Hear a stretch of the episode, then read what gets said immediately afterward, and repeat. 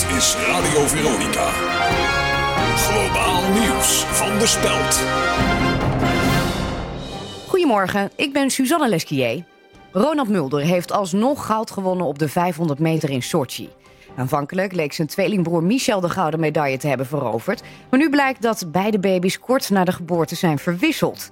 De jury besloot daarom de voornaam van Ronald te corrigeren naar Michel, die daardoor brons won. Jan Smekens bleef in verwarring achter met zilver. De Bulgaarse skimmers hebben in Sochi de Olympische titel gepakt. De Bulgaren waren in de teamwedstrijd bij het skimmen net iets sneller dan Roemenië, dat vier jaar geleden nog goud won. In de skimachtervolging op vrijdag lijkt de Russische politie de beste papieren te hebben. Het einde van Flappy Bird betekent dat de 2000 medewerkers van de Flappy Bird fabriek in Os op straat komen te staan. Vakbond FNV eist dat het bedrijf een doorstart maakt. Ook burgemeester Wobine Buis-Glaudemans hoopt dat Flappy Bird voor de stad behouden blijft. Volgens haar hebben alle Ossenaren een gevederd goudgeel hart. En de stad Leiden is getroffen door een haiku. Er viel één dode. Tot zover. Meer nieuws op spel.nl.